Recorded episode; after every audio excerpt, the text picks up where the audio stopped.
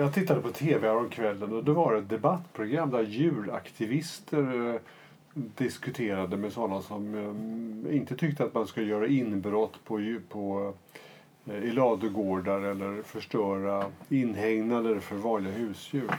Eh, det tyckte de här djuraktivisterna var liksom rimligt på något sätt. Alltså utomdemokratiska metoder har alltid förflyttat viktiga samhällsfrågor framåt menade de.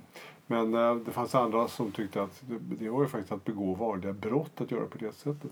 Men det blev ju ändå en fråga där.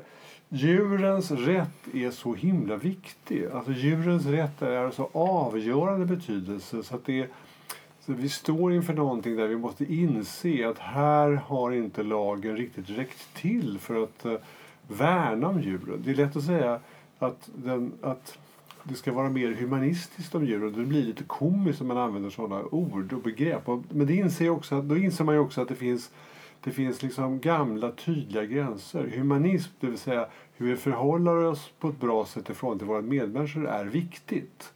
Men, men vi, in, vi tar inte in djuren i den, i den rätten så att säga. Och det är det de här djuraktivisterna vill göra. Men det är klart som sjutton, man kan ju inte tycka att att dra det så långt som man ska begå brott i, vår, i vårt demokratiska samhälle med en ordentlig lagstiftande församling, det blir ju helt tokigt alltså. Men däremot kan vi fundera på, har djuren någon rätt egentligen? Och är det så att, att de borde skyddas mer eller borde värna mer om dem? Det, var ju, det, det skulle man ju kunna fundera på i alla fall. Är det bra att ha kossorna inlåsta i en ladugård? Eh, är burarna för kycklingarna för trånga? Borde hästar egentligen driva omkring rätt fritt och inte ha staket omkring sig?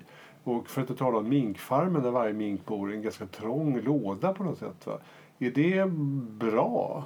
Eh, alltså, är, det, är det ett bra förhållande mellan människor och djur där människan alltid bestämmer?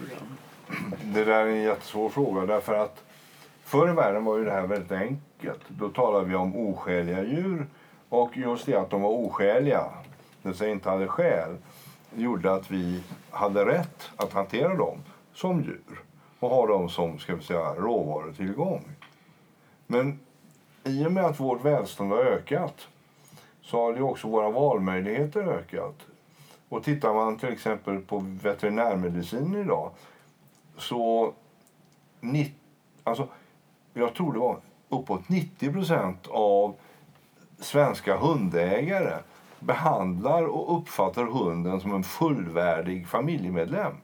Och betalar stora försäkringskostnader. Ja. Och stå, man till och med opererar cancer på hundar för hundratusentals kronor. Ja, det, jag känner igen det hemifrån. Ja. Mm. Och, och, och det där gör att, att i och med det att vi behandlar våra katter och hundar som Ja, familjemedlemmar sant. så sprider sig Ja. den här cirkeln av ska säga, humanisering av, eh, av djur. Det är verkligen sant. Det är förmodligen så att du, du har alldeles rätt det där med hund, hundsjukhusen, för det är ofta hundar, möjligen katter, som, där vi lägger ner plötsligt väldigt mycket pengar och försäkrings, försäkringskostnader för en vanlig hund som är, ett, som är liksom ett sällskapsdjur är stora och. Det liksom blir stora frågor kring det här. Det är inte så att hunden blir gammal, trött och dör utan den ska liksom skyddas och värnas som eh, vi- vilken, eh, vilken familjemedlem som helst, precis som du säger. Ja, och sen har det varit en debatt nu senast i år om är det rimliga? För vi är så vana med att vård är ganska billigt. det Ja, kostar ja. 200 kronor att gå Ja, till det. vårdcentralen så att säga. Eh, Och så plötsligt kostar det 40 000 kronor att operera hunden. Mm. Och så, men, men- samhället då, Ja, säger svensken yrvaket. Vård, vård är väl en samhällsfråga, precis. Ja, och och, och, och det, alla de här sakerna gör ju att, att eh, djurrättsaktivisten blir mer begriplig Ja, ur ett allmänt socialt synpunkt.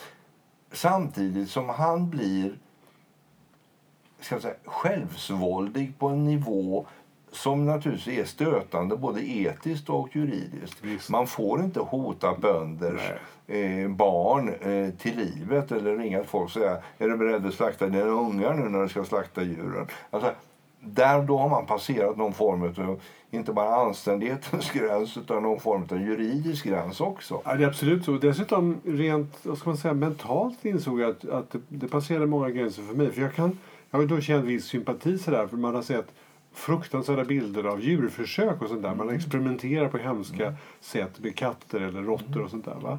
Och då blir man illa berörd när man ser dem, vad de blir utsatta för. men det är en sak. Men att en vanlig laggård skulle liksom vara stötande har jag aldrig tänkt mig. Man, man gick ju alltid omkring i laggården när man var liten i granngården och tittade på kossorna och sådär. Det var väl inget fel på det tyckte man. Det luktade lite konstigt men alltså, det var inte så att de, var, kände, att de kändes liksom som att man misskötte det på något sätt. Och så blev de glada och så sprang de ut och käkade, eller åt, åt gräs och sen så fick man vara med ibland så förs det som hem varje kväll för de skulle mölka ordentligt. Sådär. Alltså, vi är ju väldigt speciella, vi skandinaver och engelsmän när det gäller djur. Vi har ju ett väldigt, väldigt personligt förhållande till våra djur. Alltså vi har extremt hög nivå på vår eh, lagstiftning och djurhållning. Mm. Vi, alltså svenska kossor de släpps ju ut varje år. Ja. Det var ett lag på det. Ja. Och det har man inte i, nere i Europa.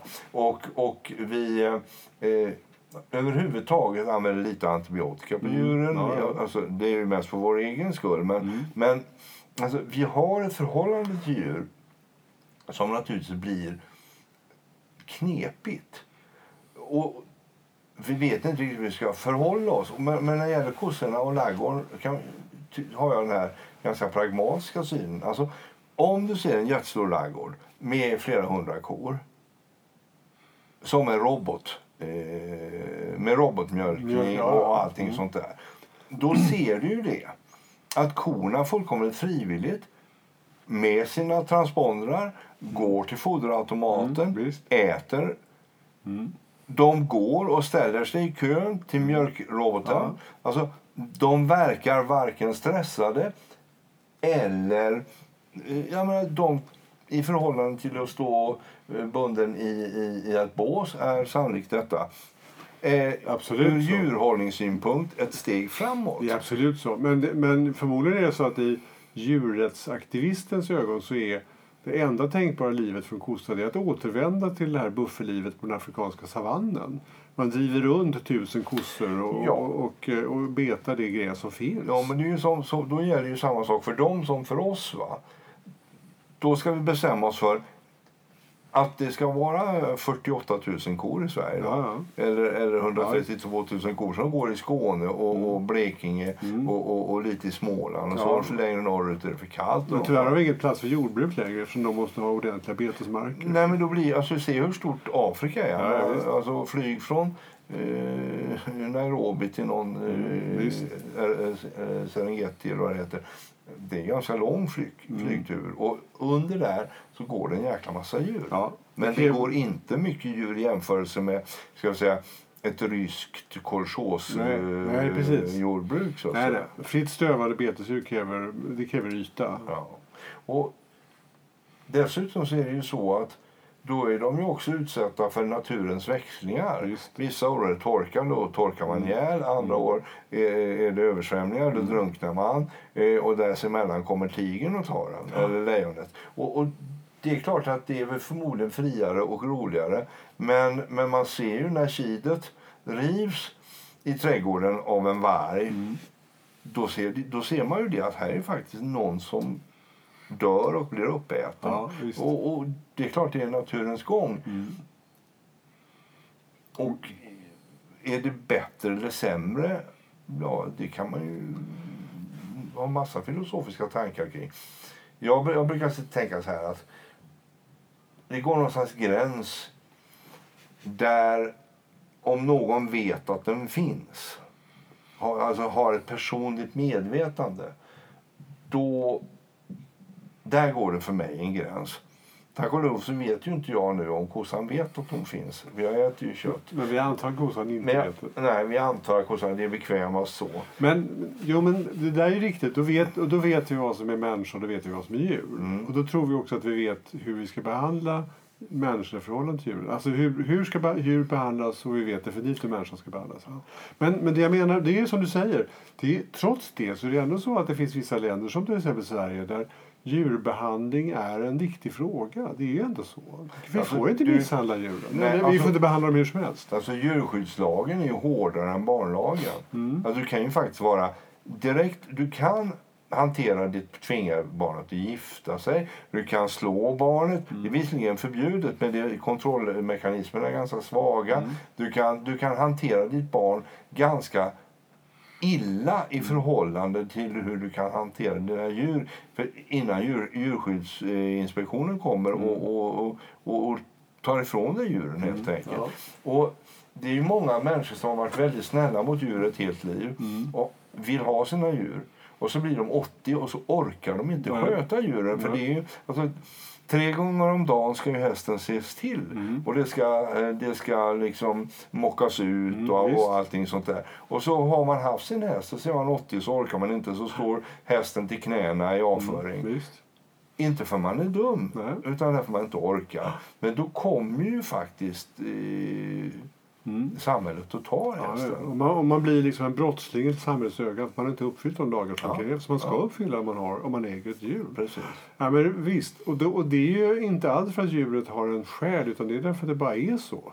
Ja, vi ser ju att ett djur som får stryk lider. Ja, menar, ja, ger det du en hund en snyting så kryper han ihop och, och, och, Jo, och det är så vidare. Och det innebär ju det att, att, att han förstår vad som händer. Ja. Däremot så är det ju svårare när du tar ut kroken ur munnen på Mm. fisken.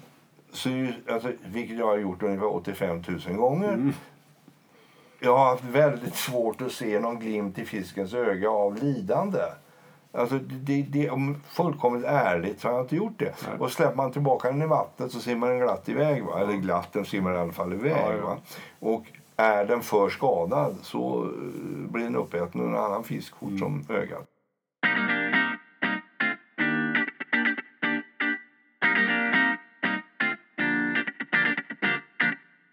Men, men det, det kanske leder oss in på nästa då. Därför att hur det än är så, även om vi tar hand om kossorna ganska bra och även kycklingar och lite andra, så äter vi förr eller senare upp dem. Ja. Vi, vi har ihjäl dem och så äter vi upp dem. Och jag, jag är inte så att jag känner i själen att det skulle vara fel. Jag gissar att djurrättsaktivisterna tycker att även det är fel på något sätt. Men det där är jag inte ens säker på.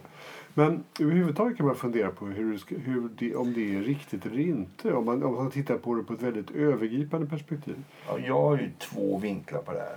Det ena är ju det.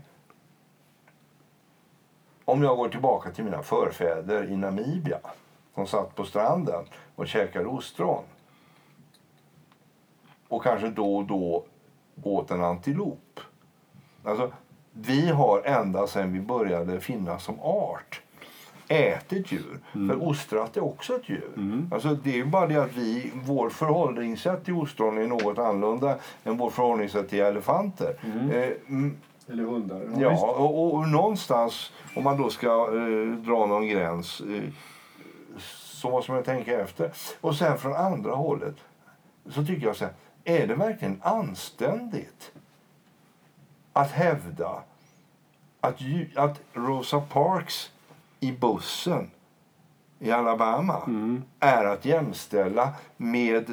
Eh, alltså, att Rosa Parks tar till civil olydnad anser jag en fullkomlig självklarhet. Och, och, och jag tycker att den lagen eh, naturligtvis var totalt oanständig och så vidare.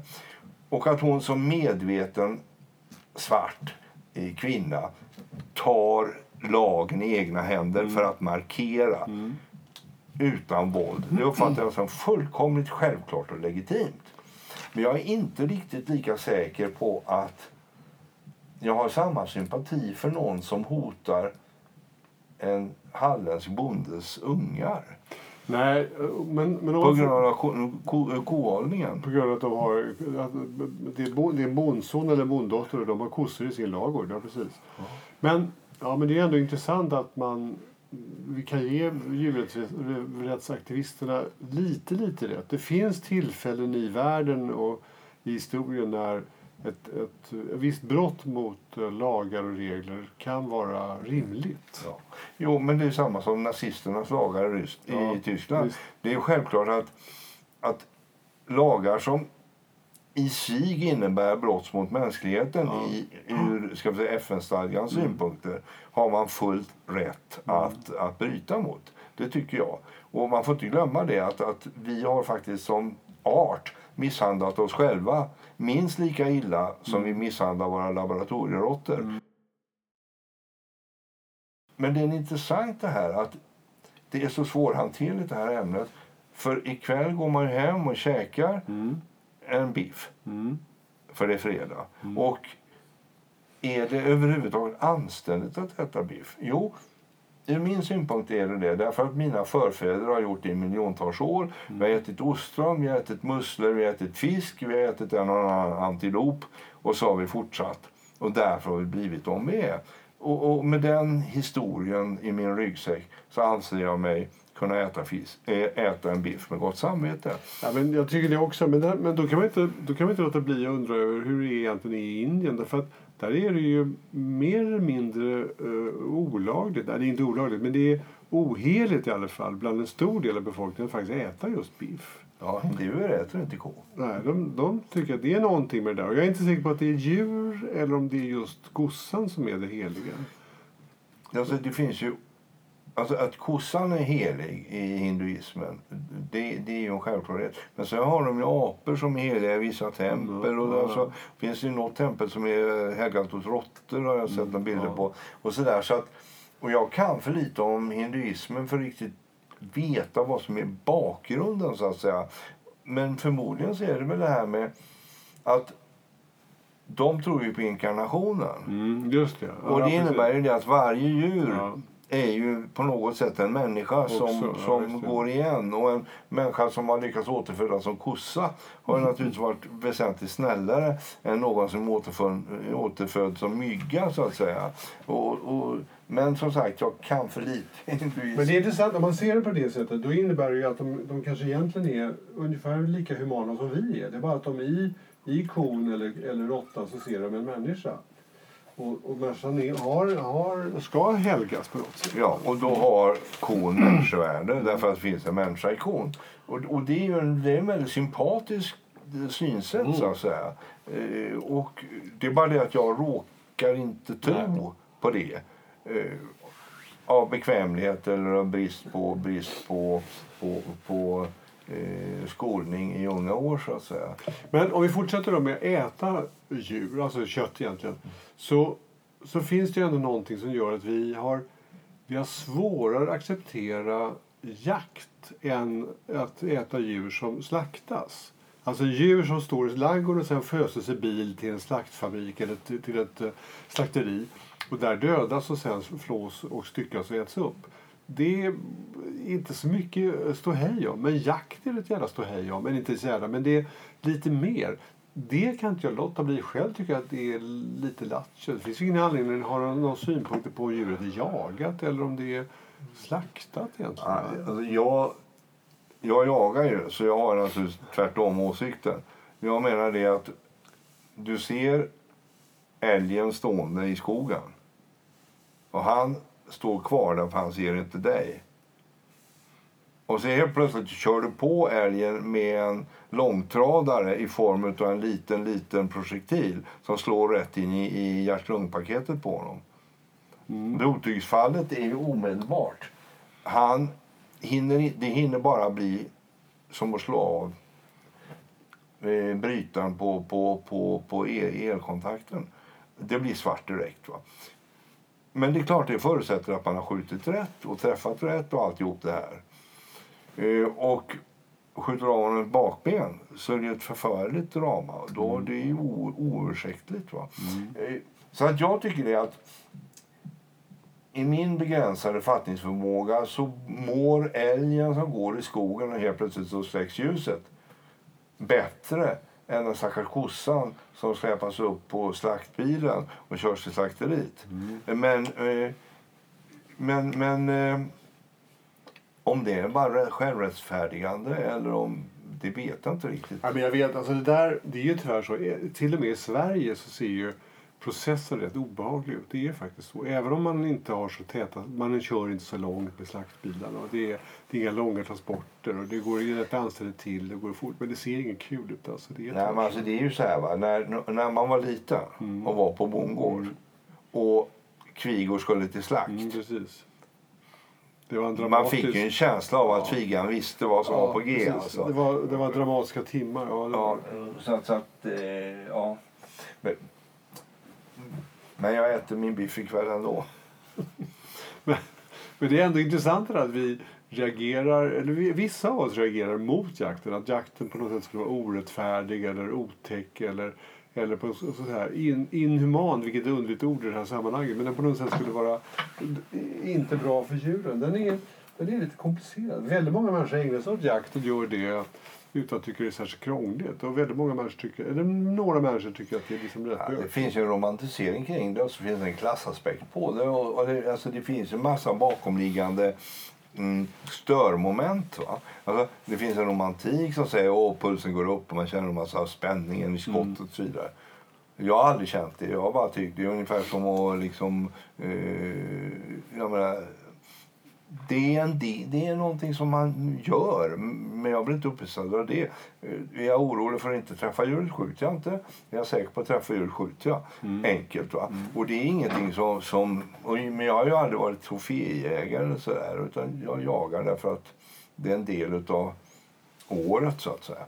Eh, men det är ingen tvekan om att det finns Alltså Sverige har en enormt fin jakttradition i och med det att det, vi har en folklig jakt. Sen Gustav III släppte jakten fri mm. och tog bort den från adeln och, och sig själv mm. så, så har ju det utvecklats en, en, en, en eh, folklig jakt i Sverige som nästan är unik. Den finns i Sverige, Norge och Finland för vi är stora länder med, med få människor. Mm. Men, men det finns inte på, på särskilt eh, många andra ställen. Nere i Europa så är ju jakt det är ju en högstatussyssla.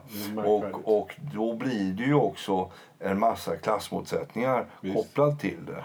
Och, och, och, EU har ju svårt att förstå eh, alltså de här stora ödemarkernas jakt Eh, därför de ser ju omedelbart folk i, i, i snygga kläder som, som eh, och går omkring med eh, med dyra vapen. Mm, och, och, och utestänger andra på något sätt från, från samma ja, område. Ja. Och så att, så att, eh, men, men jakt är naturligtvis, det, det, har ju en historia av status. Mm. Det var ju så det var ju faktiskt bara kungen som fick jaga på vissa områden. Och vid andra områden fick bara ja, adeln jaga. Och, och, och sköt du av misstag någonting så, mm. så blev du liksom steglad. Och på Öland fick bara hundarna bara ha tre ben och sådär. Mm. Men, det sitter väl lite kvar där. Mm. Men om man då tänker sig tillbaka till djur, djurhållningen så kan man tänka sig vanlig laglig djurhållning. Är det någon då som, som man som djurrättsaktivisterna säger man inte tycker om? Alltså det jag menar är så här.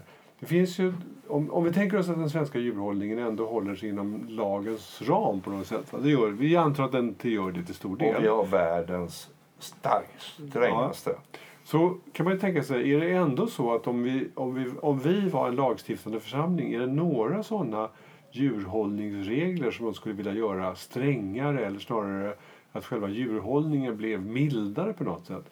Ja, men det skulle jag kunna tänka mig. För jag tycker att när man ser såna här äh, kycklingfarmar och sådär så ser inte det för kul ut. Alltså.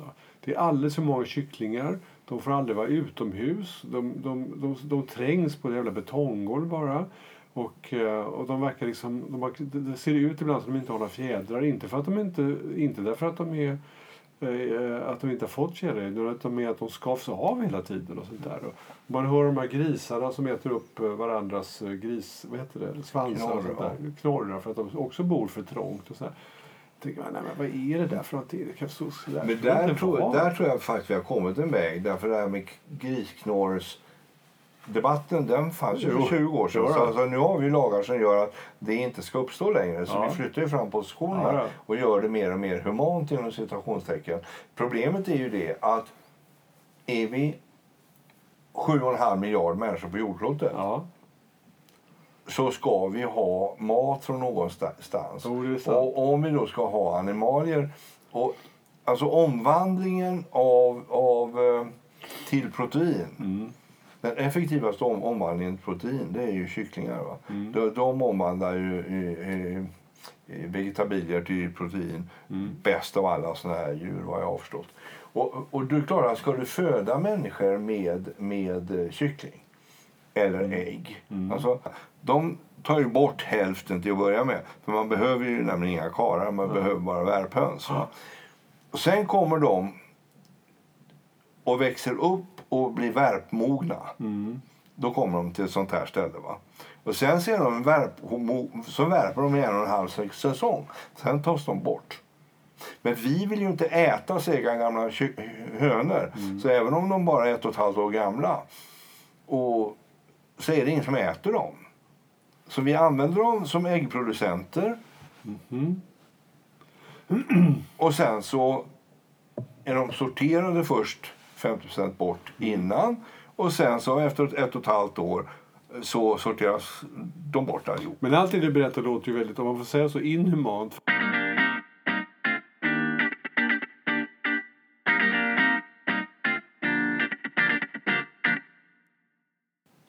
Om vi bestämmer oss för att vi ska tillåta människan att utvecklas på det här sättet då måste ju människan få mat. Och men det, men det är ett intellektuellt förhållande. Där att, eller det är snarare så här, det är ett distanserat förhållande. För man kan ju äta dem i alla fall. Utan nu handlar det om vad ska vi tycka om att kycklingarna står och trängs på det här betonggolvet. Mm. Trots, trots den här temperaturhållningen. Så att säga, va? Det är det, som, det, det, är det jag tycker det fina är, är det fina i det här är ju det att om de inte har det någorlunda bra så producerar de inte någorlunda bra. Mm. Det är ju det, därför har ja, naturen fixat en balans. Mm. Misshandlar vi djuren funkar de inte som dragdjur eller som... Nej, de, alltså, du, hästen är så stor och stark så är du dum mot hästen mm. då ställer han sig bara ja. och struntar i vad du vill. Va? Mm. Och, och där finns ju där finns någon slags självreglering i det hela. Men det är klart, även jag kan ju se att det är lite stötande för mig mm. att det inte går att göra mat av värphönorna när de är färdigvärpta. Ja, ja, och jag har fått förklara för mig att det är totalt ekonomiskt omöjligt. Alltså, det är ingen människa som vill... Kokt höna äter man inte längre alltså? Man äter ju inte kokt höna längre. och, och, alltså, titta hur mycket... He, he, alltså, allt är ju skivat och färdigt och nästan färdigproducerat. Och det är klart, om någon entreprenör tog på sig att jag åker land och rike kring och samlar på mig värp, före detta värphöns och gör proteinpasta av det mm. så är det möjligt att det skulle kunna funka. Men det är ingen som har gjort det. Alltså råvaran är ju i Nej, princip gratis. Ja, jag förstår.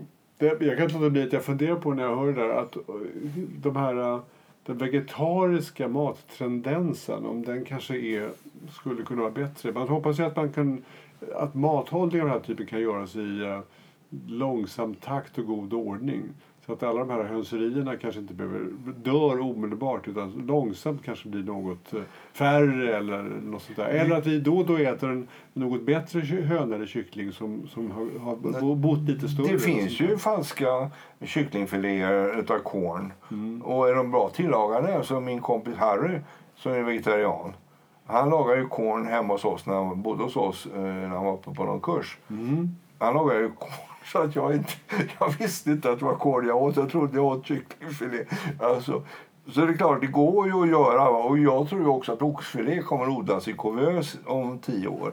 Eh, och så, där. så tekniken går tekniken ju kommer, kommer att lösa det. Och då, om, vi tänker, om, om man tänker att det blir så, därför man inser att ekonomiskt och ekologiskt så blir det obalanserat om alla ska äta biffar och sådana saker mm. från vanliga kossor och, och kycklingar. Så då undrar man, om vi tänker oss in i den situationen och vi har vant oss vid det och, och, tagit det på något sätt, accepterat det. Kommer, kommer vi inte ha några kossor längre då? Är, är kossan obehövlig då? Nej men kossan finns ju på Skansen. Ja men det är där. Men och så finns det ett kossreservat på, på Emil Lönnebergagården i Småland. Och, och Hur ska det bli då? kommer ju halva Gotland kommer bara, liksom, det kommer, det ju bara liksom bli stor jävla skog och alltihopa. Trå, ja. Tråkig lövsly. Om det inte finns några betande djur någonstans? Ja, men det är klart, men då kommer vi ju betala djuren för att beta. Då blir det ju som eh, lammen som går på kungens ängar ute, ute vid Kaknästornet. Man köper, man köper delar av ett lamm men inte veta upp det utan för att det ska gå kvar, kvar och vara så levande som möjligt. Och, och liksom vara ekologiskt och, och, och, och hålla landskapet öppet och så. Det var en parentes verkligen, men det slog mig plötsligt. Om vi inte hade och inte har betesdjur så blir ju det, det är på något sätt som man hamnar ur askan i elden. Vi, är det inte så att i Sverige har vi för få betesdjur för att hålla det landskapet öppet? Absolut. Och det är ju dessutom så att betesdjuren är ju dyra i drift va? för de måste ju ha övervakning. Mm. Du kan ju alltså hästar ska ses, om hand, eller ses till tre gånger om dagen. Ja, Men alltså, även, även får och lamm ska ses, om till, ses till. Va? Ja. Man kan inte bara släppa ut dem. Nej. De, de djur som är tåligast det är ju de här Highland Cattle. De kan man ju sätta i en sjökant och de sköter sig själva. men- men, de måste också ses till Ja, för visst. någon bryter benet och Ja. någon och så vidare. Så att, Du måste ha en inhägnad och lite sådana saker. ja, och, och du måste liksom... eh, Ja, och, och släpper du bara ut dem i skogen så tar det i vargen dem. Ja. Så enkelt är det ju. Ja. Nej, det är riktigt. Och, och, och vi vill inte ha en ökande vargstam. Så det, det, det finns egentligen ingen lösning på det. Så egentligen är det ju bäst att det är, det är, ganska, det, det, det, är ungefär som det är nu. Helst med några fler får och några fler kor. För att det vore ju rätt bra att hålla landskapet öppet. Vi gillar ju det. Ja. Men då ska ju någon betala för det. Ja, men det, det där är en underekvation. Om vi gillar att äta kött så borde vi rimligen kunna äta en och annan svensk köttbit som gör att, vi, Ja. att, det- att det liksom löser sig av sig själv. Jo, alltså problemet är ju att det där med svenskt kött, det är ju en... Alltså, vi har världens bästa kött. Ja, och vi har världens hårdaste, alltså ur etisk synpunkt, Ja, hårdaste djurhållningslagar. Ja. Med de bästa hygienlagarna när det gäller antibiotika och sånt. Mm. Men, Ändå så upphandlar de som Ja, upphandlar det jättekonstigt. dåliga köttet det är offentliga, myn- Ja, offentliga myndigheter, alltså Ja. landstinget och, Ja. och, och, och kommunerna. Därför att de har så hårda upphandlingskrav på sig både ekonomiskt och när det gäller eh, konkurrensneutralitet så. Att de får inte köpa eh, kostkött från, från bonden i, i kommunen. Nej, De därför, måste, därför att det har en högre prislapp egentligen. Det är det det faller på Israel. ja, Därför att det, är klart, om hade man djupare kvalitetskrav så skulle det, skulle det svenska köttet förmodligen komma högt upp i listan. Ja, alltså om vi bara tillförde en sån enkel regel som att okej, fri konkurrens i Sverige Mm. baseras på att man är uppfödd inom svensk djurhållningsnorm Mm. och Ja, med svenska, Ja, och svenska Ja, antibiotikaregler. Precis, precis. Men då blir ju EU tokigt. Mm. För att hela Sydeuropa har en helt annan syn på det här. Mm. Av tradition och av ekonomiska skäl. Och och det, det är ju jätte... För, att, för det är ju något som LRF och, och de har pratat om länge. Varför kan vi inte ha konkurrensneutralitet inom våra... Därför att Mm. det är faktiskt så mycket dyrare att, att producera griskött i Sverige än i. Danmark, än i, i Frankrike, än i, i Spanien. Därför att vi har de här reglerna att de inte ska bita varandra i, i, i knorren. Va? Varför får vi då köpa fläsk ifrån eh, länder som inte tillämpar det? Varför det är billigare? Alltså, Nej, men jag håller med om det. Men jag delar verkligen det. Alltså. det, det kund, där kan man tycka att EU-reglerna har försämrat det för oss. Så länge, om, om inte vi konsumenter kan inse att vi borde köpa det svenska så, så är ju inte, då blir ju EU-reglerna ogynnsamma. Nej, men alltså vi som är akademisk övre medelklass i Stockholm och så, eller överklass eller eh, som våra kompisar är det inga problem att köpa svenskt. Nej. Men alla dessa människor som faktiskt kör runt en familj på, Ja, eh, på 20 och 30 000 i månaden Visst. och handlar på Lidl. Mm. Det, är ju, det ska ju mycket till innan man säger till dem att ja, nu ska ni inte köpa billig kyckling här utan nu ska ni köpa Mm, ja, precis. Ja, och, och det, ja, det, det är ju det gamla vanliga i dilemmat. Att, att eh, mycket regler kostar pengar och fördyrar. Så, enkelt är det ju. Och sen, Men vi- vi måste avsluta det här. Jag tycker, vi, det, det känns som att vi är väldigt överens om att djurhållning eh, är, är inte av ondo. Och eh, om man nu ska äta en köttbit borde man rimligen äta en svensk köttbit hellre än något annat. Men, eh, också att visst kan man ha synpunkter på en och annan djurhållningstendens. Till och med i vårt välskötta land. Även om man inte ska gå, gå hela vägen och begå, våld, alltså begå brott mot lagen bara för att man tycker att djurhållningen eller sättet att ha djuren i bur är, är fel. ja, alltså på något sätt så är det ju så här, frigående djur. Det är vad vi satsar på och, och eh, successivt får djuren det bättre. Det får vi vara lite nöjda med. Ja,